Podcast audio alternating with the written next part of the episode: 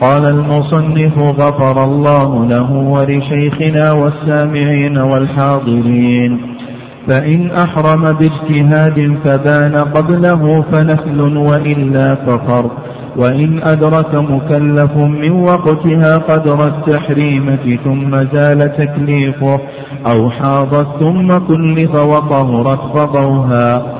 ومن صار أهلا لوجوبها قبل خروج وقتها لزمت وما يجمع إليها قبلها ويجب فورا قضاء الفوائد مرتبة ويسقط الترتيب بنسيانه وبخشية خروج وقت اختيار الحاضرة ومنها ستر العورة. فيجب بما لا يصف بشرتها وعورة رجل وأمة وأم, وأم ولد ومعتق بعضها بعضها من السرة إلى الركبة وكل الحرة عورة إلا وجهها.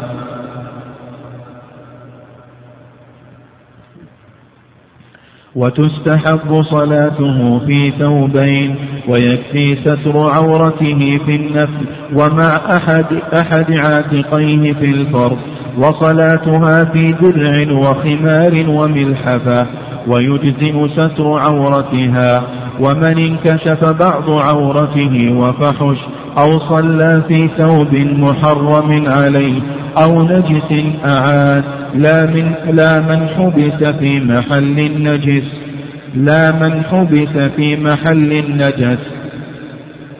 تقدم لنا ما يتعلق ببقية مواقيت الصلاة وذكرنا وقت صلاة المغرب وأن وقت صلاة المغرب يبدأ بغروب الشمس بإجماع العلماء رحمهم الله. وهل وقتها موسع أو مضيق؟ وذكرنا أن مذهب الإمام مالك رحمه الله الشافعية أنه مضيق. وعند أبي حنيفة والحنابلة أنه موسع. وأن الصواب أن وقتها يخرج بمغيب الشفق. وما المراد بالشفق؟ ذكرنا أن المراد بالشفق هو الحمرة وأن وقت العشاء يبدأ من بعد مغيب الشفق الأحمر إلى منتصف الليل. وهل لها وقت ضرورة أو ليس لها وقت ضرورة؟ ذكرنا كلام أهل العلم رحمهم الله تعالى في هذه المسألة. وأيضا ذكرنا وقت استحباب أداء صلاة المغرب وأيضا ما هو الوقت المستحب لأداء صلاة العشاء. وبينا أيضا وقت صلاة الفجر وأن الفجر وقتها يبدأ بطلوع آه، الفجر إلى طلوع الشمس وأنه ليس لها إلا وقت واحد وأنه يستحب أن تفعل في أول وقتها. ثم بعد ذلك قال المؤلف رحمه الله تعالى فإن أحرم باجتهاد فبان قبله فنفل وإلا ففرض. يقول المؤلف رحمه الله فإن أحرم يعني كبر تكبيرة الإحرام. وقال المؤلف رحمه الله باجتهاد ولم يقل بيقين. لأنه إذا أحرم بيقين لا يمكن أن يتبين أنه أحرم قبل وقت يعني قوله باجتهاد يخرج قوله بيقين. لأنه إذا أحرم بيقين يقين أنه أحرم في الوقت. لا يكون أحرم قبل وقت فلو أنه رأى الشمس غربت ثم أحرم لصلاة المغرب هنا يتيقن أنه أحرم للصلاة في وقتها. قال فإن أحرم باجتهاد فبان قبله فنفل وإلا ففرض. يعني الاجتهاد نظر في أدلة القبلة واستدل بها على دخول أدلة الوقت واستدل بها على دخول الوقت. أو أنه كانت له حرفة أو صنعة ونحو ذلك واستدل بهذا على دخول الوقت. يعني المهم أنه لم يحرم بيقين وإنما أحرم بظن في أحرم بظن. ثم بعد ذلك تبين له أنه أحرم قبل دخول وقت الصلاة. فيقول لك المؤلف رحمه الله نفل صلاته نافلة. وإن تبين أنه أحرم في الوقت فيقول بأن صلاته وقعت فريضة. والخلاصة في هذه المسألة أن لها أقسام. القسم الأول أن يتبين أنه أحرم قبل دخول الوقت. أن يتبين أنه كبر تكبيرة الإحرام قبل أن يدخل الوقت ولو بلحظة واحدة. فصلاته نفل وعلى هذا يعيد الصلاة. القسم الثاني أن يتبين أنه أحرم في الوقت. فنقول بأن صلاته فريضة لأنه أدى هذه الفريضة حسب ما أمر. القسم الثالث أن يتبين أنه أحرم بعد خروج الوقت. فأيضا صلاته تكون فريضة. صلاته تكون فريضة لأنه أدى هذه الصلاة في لأنه أدى هذه الصلاة حسب ما أمر. يعني حسب ما أمر وهو مأمور أن يؤدي هذه الصلاة في وقتها. فإذا لم يتمكن من أدائها في وقتها وفعلها بعد الوقت فقضى تكون قضاء. القسم الرابع أن يتبين له أن لا يتبين له شيء. لا يدري هل أدى هذه الصلاة في الوقت أو أداها قبل الوقت أو بعد الوقت فنقول تكون فرضا. لأنه قد أذن له بالصلاة بالاجتهاد وما ترتب على المأذون غير مظلوم. فتكون صلاته مجزئة في ثلاثة أقسام تكون فرضا ومجزئة في ثلاثة أقسام ولا تكون مجزئة في قسم واحد فقط وهو ما إذا فعل هذه الصلاة أو كبر للإحرام قبل دخول الوقت. قال المؤلف رحمه الله وإن أدرك مكلف من وقتها قدر التحريمة ثم زال تكليفه أو حاضت ثم كلف وطهرت قضوها.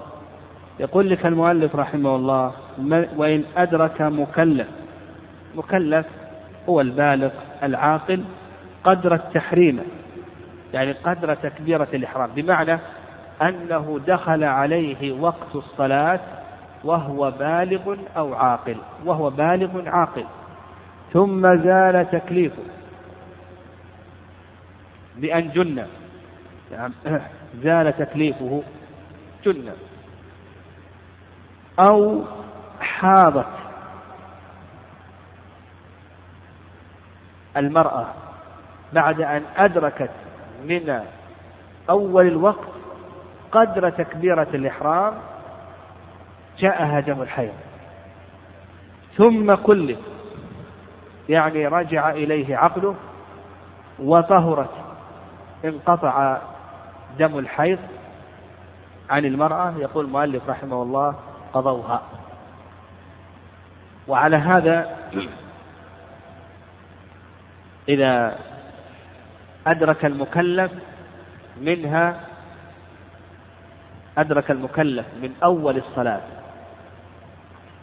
قدر تكبيرة الإحرام ثم زال تكليفه ثم رجع إليه تكليفه أو وجد مانع من موانع صحة الصلاة كالحيض بعد أن أدركت المرأة من أول الوقت قدر تكبيرة ثم حاضت ثم طهرت. يقول المؤلف رحمه الله بأنهم يقضون هذه الصلاة. وعلى هذا فإن وقت الصلاة يدرك بتكبيرة الإحرام بقدر تكبيرة الإحرام. ويعللون لذلك بأنه أدرك جزءا من الصلاة أشبه ما لو أدرك ركعة. والرأي الثاني أن أول الوقت لا يدرك إلا بإدراك ركعة. نعم إلا بإدراك ركعة. لحيث أبي هريرة في الصحيحين أن النبي صلى الله عليه وسلم قال من أدرك ركعة من الصلاة فقد أدرك الصلاة. من أدرك ركعة من الصلاة فقد أدرك الصلاة. وعلى هذا المكلف إذا أدرك من أول الصلاة قدر ركعة كذلك أيضا المرأة إذا أدركت من أول الصلاة قدر ركعة ثم حاضت فإنها تقضي. أما إذا أدرك أقل من ركعة فإنهم لا يقضون هذه الصلاة. وسبق أن ذكرت تكلمنا على هذه المسألة وذكرنا اختيار شيخ الإسلام تيمية رحمه الله. وأن وأنه ذكر أن الحائض إذا حاضت في أثناء الوقت فإنه لا يجب عليه أن تقضي الصلاة لأن النساء كن يحضن في عهد النبي صلى الله عليه وسلم في أثناء الوقت ومع ذلك لم يرد أنه عليه الصلاة والسلام كان يأمرهن بقضاء هذه الصلاة. اللهم إلا إذا أخرت الصلاة حتى تضايق وقتها ثم حاضت فهذه تقضي.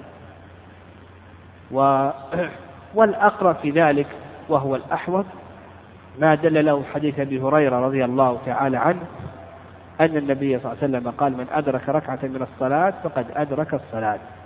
فنقول إذا أدرك المكلف قدر ركعة ثم زال تكليفه ثم رجع إليه أو المرأة أدركت قدر ركعة ثم حاضت ثم طهرت نقول بأنها تقضي هذه الصلاة ومثل ذلك أيضا النفس. قال ومن صار أهلا لوجوبها قبل خروج وقتها لزمته وما يجمع إليها قبلها. في المسألة السابقة تكلم المؤلف رحمه الله تعالى عن إدراك أول الوقت بما يكون. أيضا في هذه المسألة تكلم المؤلف رحمه الله تعالى عن إدراك آخر الوقت.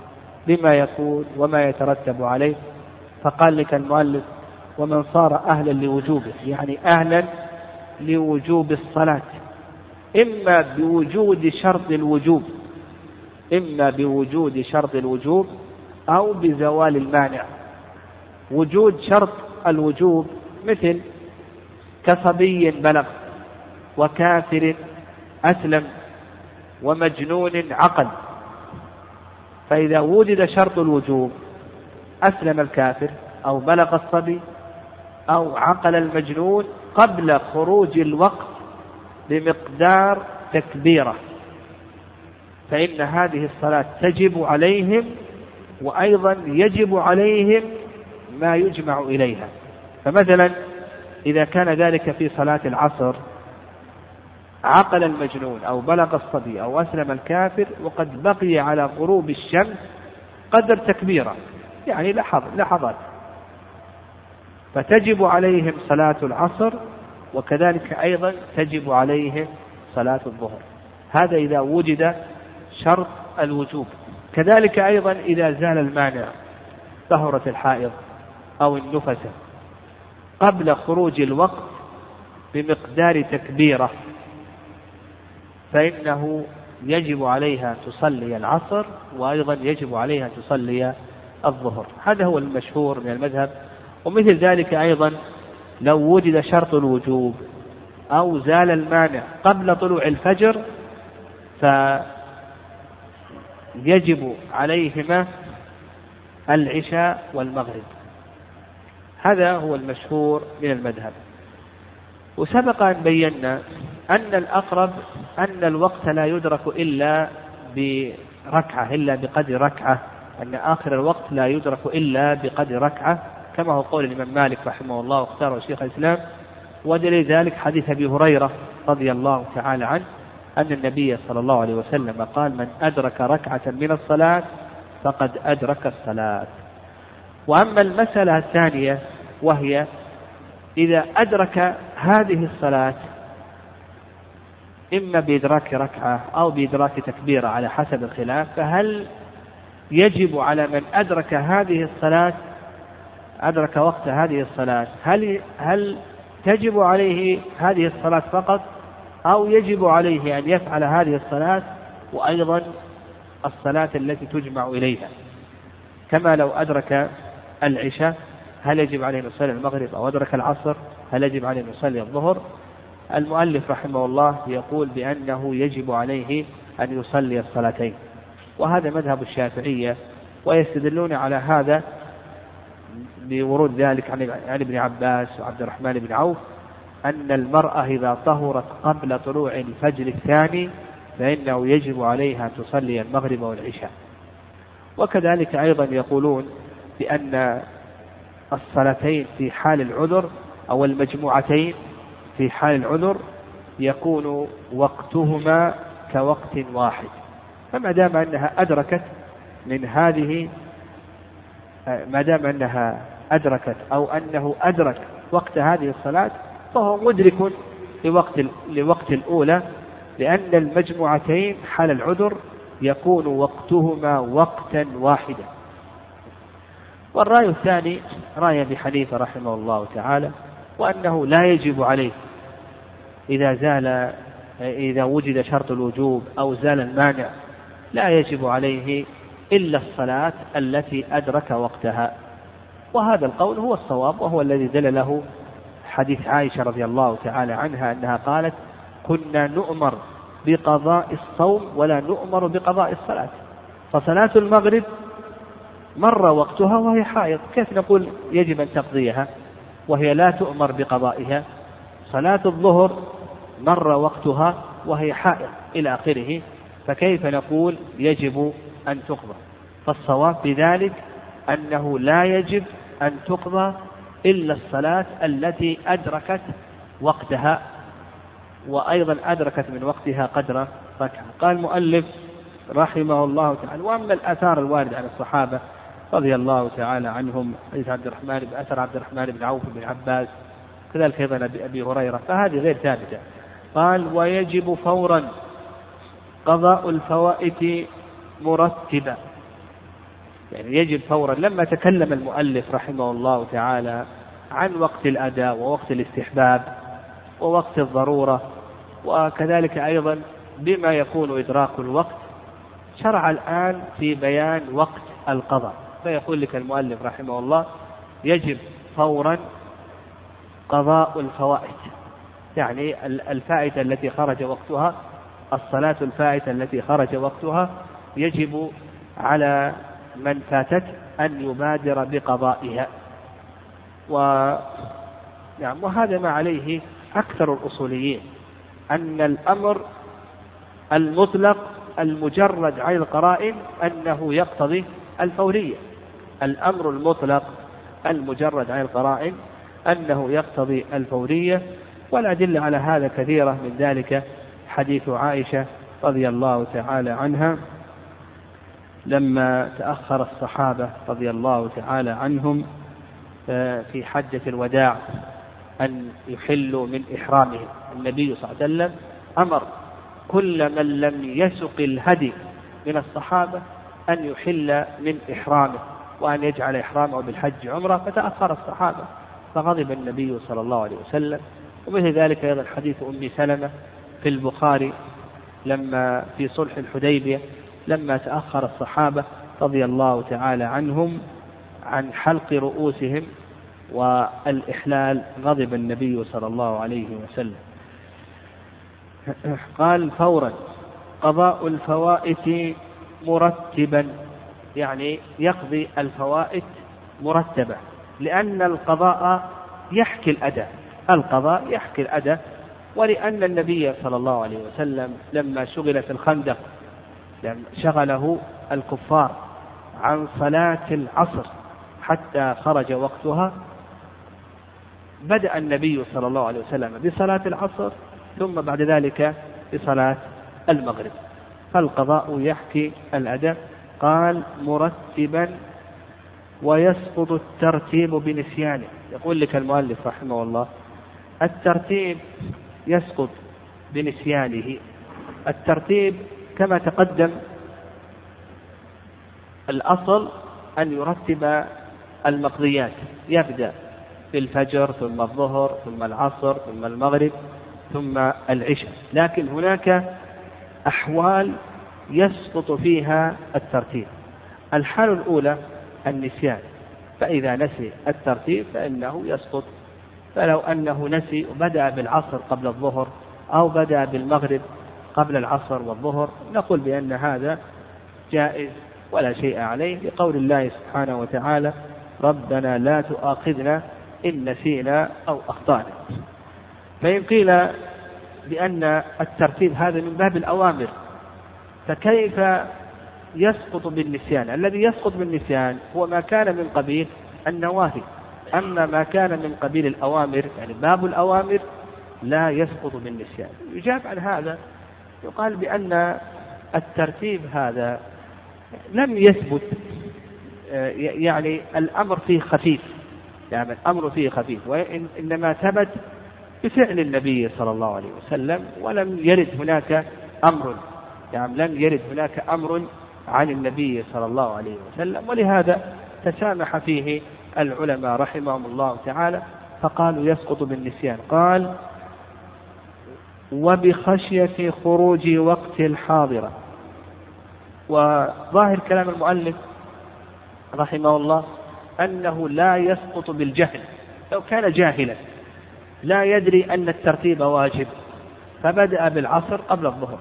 ظاهر كلام المؤلف أنه لا يسقط بالجهل ويجب عليه أن يرتب حتى مع الجهل ولا يصح عدم الجهل وهذا هو المذهب. والرأي الثاني يعني الرأي الثاني في المذهب أنه يعني الرأي الثاني أنه يسقط بالجهل لأن الجهل أخو النسيان. فكما أننا تسامحنا بالنسيان فكذلك أيضا نتسامح بالجهل بل بل العفو بالجهل أقوى من العفو بالنسيان. ولهذا شيخ الإسلام تيمية رحمه الله يرى أن العفو بالجهل يكون حتى في باب الأوامر. إذا كان الإنسان جاهلا يعني لا يعرف الأحكام الشرعية فإنه يعذر حتى في باب الأوامر لأن الله سبحانه وتعالى قال وما كنا معذبين حتى نبعث رسولا وقال سبحانه رسلا مبشرين ومنذرين لئلا يكون للناس على الله حجة بعد الرسل. فدل ذلك على أن الحجة لا تقوم إلا بالعلم. قال وبخشية خروج وقت اختيار الحاضرة. هذه هذا الحال الثالثة. الحال الثالثة التي التي يسقط فيها الترتيب إذا خشي خروج وقت الاختيار للحاضرة. مثال ذلك رجل عليه صلاة الظهر. ونسي أن يصلي الظهر. تذكر قبل خروج وقت العصر يعني قبل اصفرار الشمس بمقدار عشر دقائق وقت فعل صلاة العصر. نقول يبدأ بالعصر يعني يبدأ بالعصر لأن الوقت الآن تعين للعصر أصبح الآن مضيقا. فيبدأ بالعصر ثم بعد ذلك يقضي الظهر. لأن لو قلنا له ابدأ بالظهر أصبح عندنا مقضيتان. وإن قلنا ابدأ بالعصر أصبح عندنا مقضية واحدة فقط. ولأن الوقت لما تضايق الآن تعين للحاضرة. فإذا خشي خروج وقت اختيار الحاضرة فإنه يبدأ بها. ذكر المؤلف رحمه الله ثلاث حالات يسقط بها الترتيب. وقد ورد عن الإمام أحمد رحمه الله تعالى أيضا حالتان. يعني ظاهر كلام المؤلف أن الترتيب لا يسقط إلا في هذه المؤلف ذكر حالتين.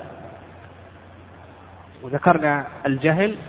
أيضا ورد عن الإمام أحمد رحمه الله حالتان يسقط بهما الترتيب. الحالة الرابعة الحالة الرابعة إذا خشي فوت الجمعة. إذا خشي فوت الجمعة صلاة الجمعة فإنه يبادر ويصلي الجمعة ثم بعد ذلك يقضي الفائتة. يعني يقضي الفائتة. فمثلا رجل جاء بصلاة الجمعة ثم تذكر أنه لم يصلي العشاء أو أنه صلى العشاء على غير طهارة. لو قام الآن يقضي العشاء لترتب على ذلك فوات الجمعة. فنقول يصلي الجمعة ثم بذلك يقضي هذه الفائدة. الحالة الخامسة إذا خشي فوت الجماعة. يعني إذا خشي فوت الجماعة فإن الترتيب يسقط. مثلا جاء لصلاة المغرب وهو لم يصلي العشاء آه له لم يصلي العصر نسيانا. لو شرع في صلاة العصر فاتته جماعة المغرب فيصلي مع المغرب ثم بعد ذلك يقضي العصر. وظاهر كلام المؤلف رحمه الله تعالى أنه يصلي الفوائد جميعا ما لم يلحقه مشقة. فإذا كان مثلا عليه عشر صلوات أو عليه عشرون صلاة يبدأ. ينوي اليوم الأول يبدأ بالفجر ثم الظهر ثم العصر ثم المغرب ثم العشاء ثم ينوي اليوم الثاني وهكذا ثم ينوي اليوم الثالث وهكذا إلى أن تلحقه مشقة ثم يستريح ثم بعد ذلك يعاود مرة أخرى. وهذا خلاف ما يفهمه بعض العامة. بعض العامة يفهمون أن القضاء أنك تؤدي كل صلاة مع وقتها فالفجر تؤديه مع الفجر والظهر مع الظهر والمغرب والعصر مع العصر والمغرب مع المغرب إلى آخره. هذا ليس له أصل. يعني هذا ليس له أصل. لا في كتاب الله ولا في سنة رسوله صلى الله عليه وسلم ولم يذكره آه، آه، أكثر أهل العلم يعني أكثر العلماء لم يذكروا مثل هذا العمل. فالصواب أن الفوائد تقضى جميعا لأن هذا من باب المبادرة بها. ولا تجعل كل فائدة مع الصلاة الأخرى. إلى آخره. قال المؤلف رحمه الله ومنها ستر العورة يعني من شروط صحة الصلاة ستر العورة. والستر هو التغطية. يعني الستر هو التغطية والعورة في اللغة النقصان والشيء المستقبل. المستقبح. في اللغة النقصان والشيء المستقبح. وأما في الاصطلاح فهي كل ما يسوء الشخص إخراجه. العورة نقول هي كل ما يسوء الشخص إخراجه. وفسرها بعض العلماء بأنها الفرجان وما يستحيا منه.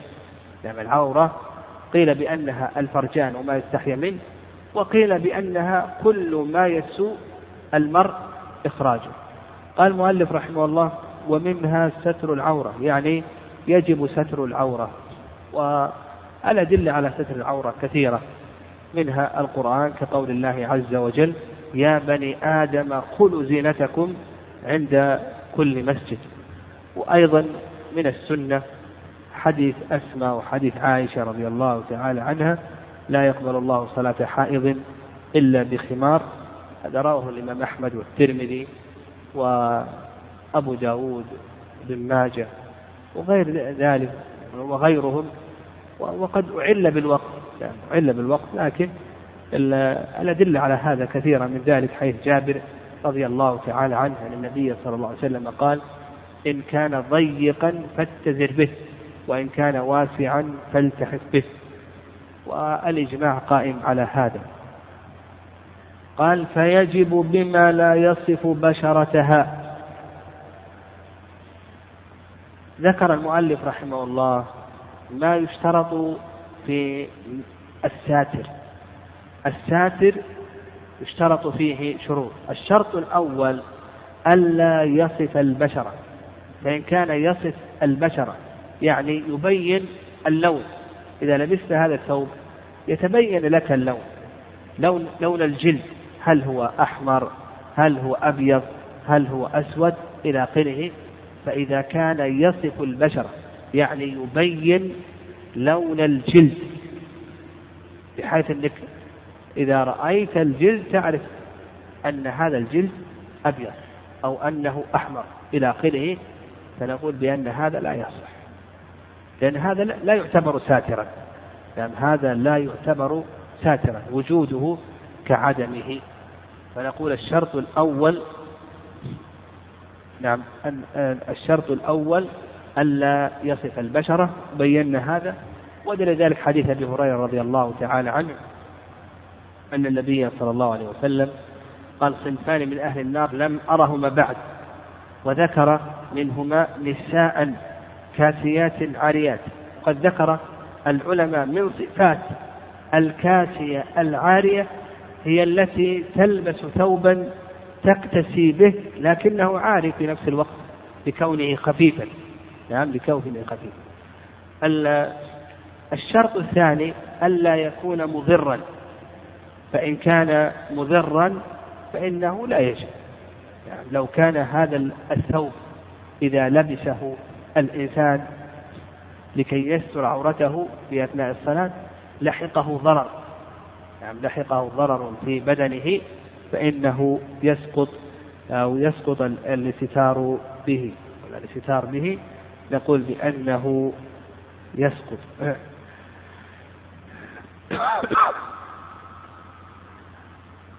والشرط الثالث أن يكون مباحا. وعلى هذا إذا كان محرما كثوب مغصوب أو ثوب حرير بالنسبة للرجل أو ثوب مسروق ونحو ذلك فهذا لا يجوز الاستتار به. لكن يأتينا أن الصلاة صحيحة لو استتر لو استتر به فنقول بأن الصلاة صحيحة.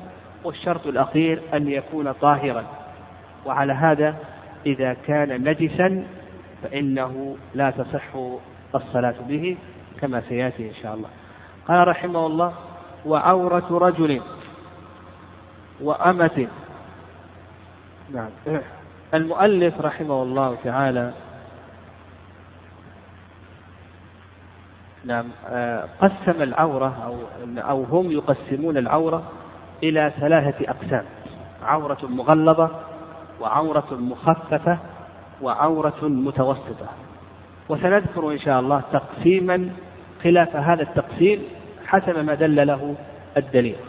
قال لك وعورة رجل هذا القسم الأول. والمراد بالعورة هنا العورة في باب الصلاة. أما العورة في باب النظر فهذه يبحثونها في كتاب النكاح.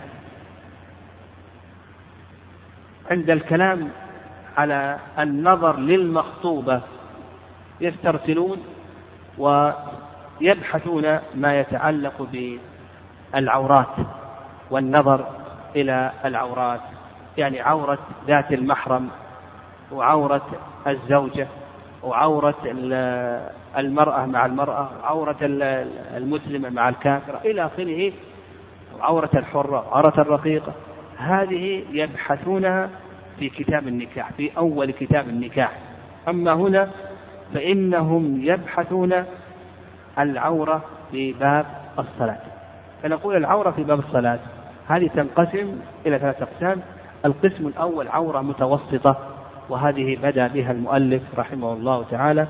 والعورة المتوسطة هي ما بين السرة إلى الركبة ما بين السرة إلى الركبة ويدخل تحتها أنواع. قال لك وعورة رجل. يعني عورة الرجل المقصود به هنا البالغ عورته من السرة إلى الركبة. السرة والركبة لستا داخلتين في العورة.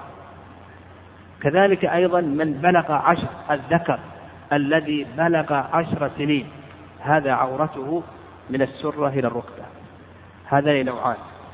قال وأمة هذا النوع الثالث الأمة عورتها في الصلاة ما بين السرة إلى الركبة. وعلى هذا لو صلت وقد كشفت صدرها كشفت ساقيها فإن صلاتها صحيحة. وأم ولد هذه هذا النوع الرابع أم الولد. وأم الولد هي التي أنجبت من سيدها ما تبين فيه خلق إنسان. يعني هذه أمة وطئها سيدها ثم حملت فأنجبت من ما تبين فيه خلق إنسان. حتى لو وضعت قطعة لحم تبين فيها خلق إنسان. تبين فيها تخطيط يد تخطيط رجل ونحو ذلك فهذه أم ولد. وحكم أم الولد أنها تعتق بموت سيدها. فيقول لك المؤلف رحمه الله بأن أم الولد عورتها ما بين السرة إلى الركبة. هذا النوع الرابع. قال ومعتق بعضها يعني هذه الأمة التي بعضها حر وبعضها رقيق هذه عورتها ما بين السرة إلى الركبة. قال ومعتق بعض هذه خمسة أنواع. أيضا المكاتبة هذا النوع السادس.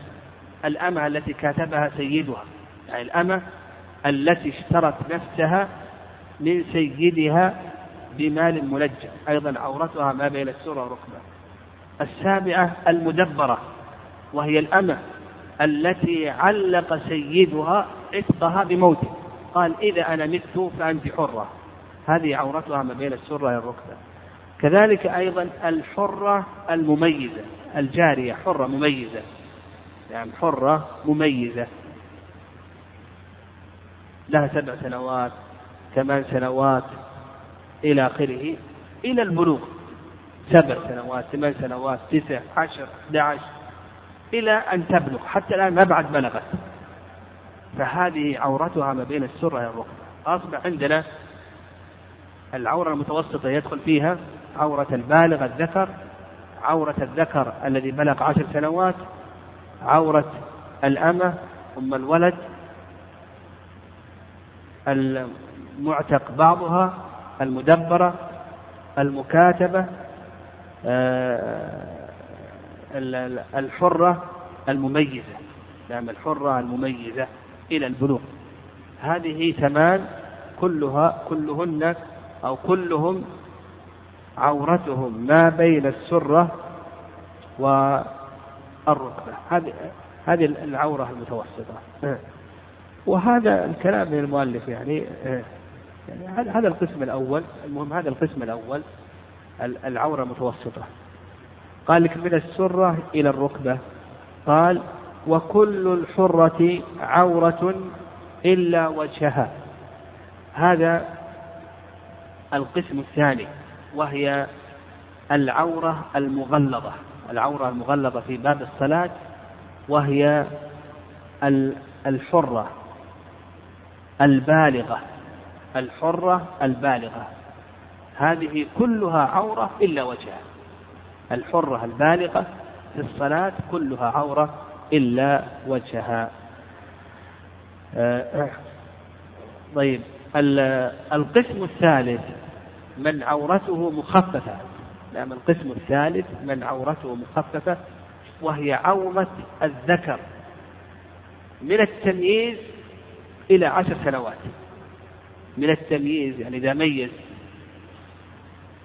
كسبع سنوات مثلا إلى عشر سنوات لأنه بعد العاشرة كما تقدم لنا هذا عورته ماذا؟ ها؟ ما بين السرة والركبة يعني ما بين السرة والركبة فالعورة المخففة عورة الذكر الذي ميز إلى عشر سنوات أما من العاشرة فهذه دخلت المتوسطة فهذه عورته عورة مخففة وهي الفرجان يعني يستر فقط القبل والدبر. هكذا قسم المؤلف رحمه الله والصواب أن نقول بأن العورة تنقسم ثلاثة أقسام. والصواب أن نقول بأن العورة في الصلاة تنقسم إلى ثلاث أقسام. القسم الأول القسم الأول؟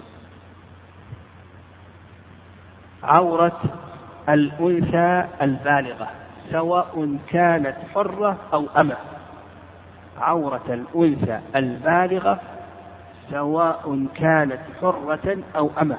إذ لا فرق بين الحرة والأمة لأنه كما تقدم لنا الأحكام البدنية المحضة الأصل تساوي الأحرار والأرقة إلا لدليل فنقول العورة عورة الأنثى البالغة سواء كانت أمة أو كانت حرة هذه كلها عورة إلا الوجه إلا وجهها. ويأتينا أيضا شيخ الإسلام يستثني أيضا اليدين والقدمين الوجه المذهب وأيضا يستثنى اليدان والقدمان هذا القسم الأول. القسم الثاني القسم الثاني عورة الأنثى التي لم تبلغ. الأنثى التي لم تبلغ سواء كانت حرة أو كانت أمة. نقول هذه كلها عورة. إلا نعم إلا الوجه والرأس واليدين والقدمين. يعني هو القسم الثالث هو القسم السابق. إلا أننا نضيف ماذا؟ ها؟ نضيف الرأس. لها أن تكشف رأسها ما دام أنها لم تبلغ. لحديث عائشة السابق أن النبي صلى الله عليه وسلم قال لا يقبل الله صلاة حائض يعني بالغ إلا بقمار. فدل أن غير البالغ لا تصلي بغير قمار. فالتي لها عشر سنوات أو لها إحدى عشرة ولم تبلغ ثمان سبع. المهم أنها ما بلغت هذه تصلي في ثوبها ولها أن تكشف وجهها ورأسها ويديها وقدميها. القسم الثالث عورة الذكر من التمييز إلى ما بعد البلوغ. نقول عورته ما بين السرة والركبة. يعني عورته ما بين السرة والركبة هكذا جاء الدليل. والدليل على أن أن الفرجان عورة هذا ظاهر. الإجماع قائم على أن الفرجين عورة والفخذ عورة كما في حديث ابن عباس وجرهد محمد بن مسلمة أن النبي صلى الله عليه وسلم قال الفخذ عورة. وفي حديث عبد الله بن عمرو رضي الله تعالى عنهما أن النبي صلى الله عليه وسلم قال فإن ما تحت السرة إلى الركبة من العورة. فإن ما تحت السرة إلى الركبة عورة. أما السرة والركبة فليس من العورة لأن النبي صلى الله عليه وسلم صعد النظر النبي أن حمزة نظر إلى ركبة النبي صلى الله عليه وسلم ونظر أيضا إلى سرته. يعني نظر إلى ركبته ونظر إلى سرته. فالخلاصة في ذلك نقول الصواب الأقسام عورة الأنثى البالغة عورة الأنثى التي لم تبلغ عورة الذكر. هكذا تقسيم حسب الدليل. قال المؤلف رحمه الله تعالى وتستحب صلاة في ثوبين يعني يقول لك المؤلف رحمه الله يستحب للإنسان أن يصلي في ثوبين كالقميص والرداء أو الإزار أو إذا صلى يعني مثل وضع الناس اليوم اليوم يصلون في ثوبين يصلي في الثوب يصلي بالسراويل. يعني يصلي في الثوب يصلي بالسراويل. المهم أن الإنسان يأخذ زينته عند كل مسجد كما أمر الله عز وجل. يا بني آدم خذوا زينتكم عند كل مسجد. فالمسلم مطلوب منه أن يأخذ زينته عند كل مسجد. أيضا هل يغطي رأسه أو لا يغطي رأسه؟ هذا يختلف باختلاف. الأعراف يختلف باختلاف الأعراف فقول المؤلف رحمه الله تستحب صلاته في ثوبين. نقول المقصود بذلك هو أن يأخذ زينته عند كل مسجد وهذا يختلف باختلاف الزمان والمكان ويدل لذلك أن الله سبحانه وتعالى قال يا بني آدم خذوا زينتكم عند كل مسجد. قد ذكر شيخ الإسلام تيمية رحمه الله أن الله سبحانه وتعالى أمر بأمر زائد على ستر العورة. وهو أخذ الزينة. يعني أخذ الزينة. فتغطية الرأس كما ورد عن ابن عمر رضي الله تعالى عنهما يختلف. ففي بعض البلاد يكون من الزينة وفي بعض البلاد لا يكون لا, لا يكون من الزينة. قال ويكفي ستر عورته في النفل مع أحد عاتقيه في الفرض. يقول لك الرجل إذا صلى في النفل يكفي أن يستر عورته ما بين السرة والركبة. لكن في الفرض يجب عليه أن يستر أحد عاتقيه ولو بما يصف البشرة يقول لك في الفرض يجب عليه أن يستر عاتقيه يستر أحد عاتقيه ولو كان هذا الساتر يصف البشرة وهذا من مفردات المذهب. والرأي الثاني الرأي الثاني رأي جمهور العلماء رحمهم الله أنه لا يجب عليه أن يستر أحد عاتقيه أما الحنابلة يستدلون على هذا بما ثبت في الصحيحين أن النبي صلى الله عليه وسلم قال لا يصلي الرجل في الثوب الواحد ليس على عاتقه منه شيء. لا يصلي الرجل في الثوب الواحد ليس على عاتقه منه شيء. والجمهور يستدلون على ذلك بحي جابر إذا كان ضيقا فاتزر به وإن كان واسعا فالتحف به. إن كان ضيقا فاتزر به وإن كان واسعا فالتحف به. وإذا كان ضيقا واتزر به فإنه لا يستر العاتق لا يستر عاتق وقال لك في الفرض يعني لو كان في النفل فإنه لا يجب عليه أن يستر أحد عاتقين. والصواب كما تقدم ما ذهب إليه جمهور أهل العلم رحمهم الله أنه لا يجب عليه أن يستر أحد عاتقين. قال وصلاتها في درع وخمار وملحفة. يعني يستحب أن تصلي المرأة في درع قميص مثل ثيابنا هذه. وخمار وما تغطي به رأسها وتدير تحت حلقها. وملحفة ملحفة يعني الثوب الواسع الذي تتجلل به. يكون هناك ثوب واسع تتجلل به. لورود هذا عن الصحابة بن عمر وعائشة وأم سلمة رضي الله تعالى عنه. هذا هو السنة. ولو أن المرأة صلت في ثوبها على رأي على كلام المؤلف لو أنها صلت في ثوبها وسترت رأسها وسترت قدميها يعني عليها جوارب وعليها جوارب في اليدين صلت في ثوبها وسترت رأسها كما ذلك. لكن يقول لك المؤلف المستحب أن يكون هناك ملحفة يعني ثوب واسع تتجلل به لأن هذا يستر تقاطيع اللحم ولأن هذا وارد عن الصحابة رضي الله تعالى عنهم كما ذكرنا عن ابن عمر وعائشة وأيضا عن أم سلمة. قال ويجزئ ستر عورتها. يعني يجزي ستر عورتها كما تقدم. بيان عورة الأنثى. تقدم وذكرنا أن البالغة أنها كلها عورة إلا وجهها. الشيخ الإسلام يضيف اليدين والقدمين. المهم إذا سترت عورتها بأي طريق كفى ذلك. لكن يقول لك الأفضل أن يكون هناك ملحفة تتجلل بها. قال ومن انكشف بعض عورته وفحش أو صلى في ثوب محرم عليه أو نجس أعاد. يقول المؤلف رحمه الله تعالى من انكشف بعض عورته وفحش. ما حكم الصلاة؟ يعني ما حكم الصلاة لمن انكشفت عورته في أثناء الصلاة؟ يقول بأن هذا ينقسم إلى أقسام. إذا انكشفت العورة في أثناء الصلاة نقول بأنه ينقسم إلى أقسام. القسم الأول أن يكون ذلك عمدا. كما لو رفع ثوبه متعمدا حتى انكشف شيء من عورته نقول صلاته تبطل عليه. كثر المنكشف أو قل طال الزمن أو قصر. القسم الثاني أن يكون غير عمد. لكن يكون المنكشف فاحشا والزمن طويلا. له لم يتعمد لكن الزمن يطول.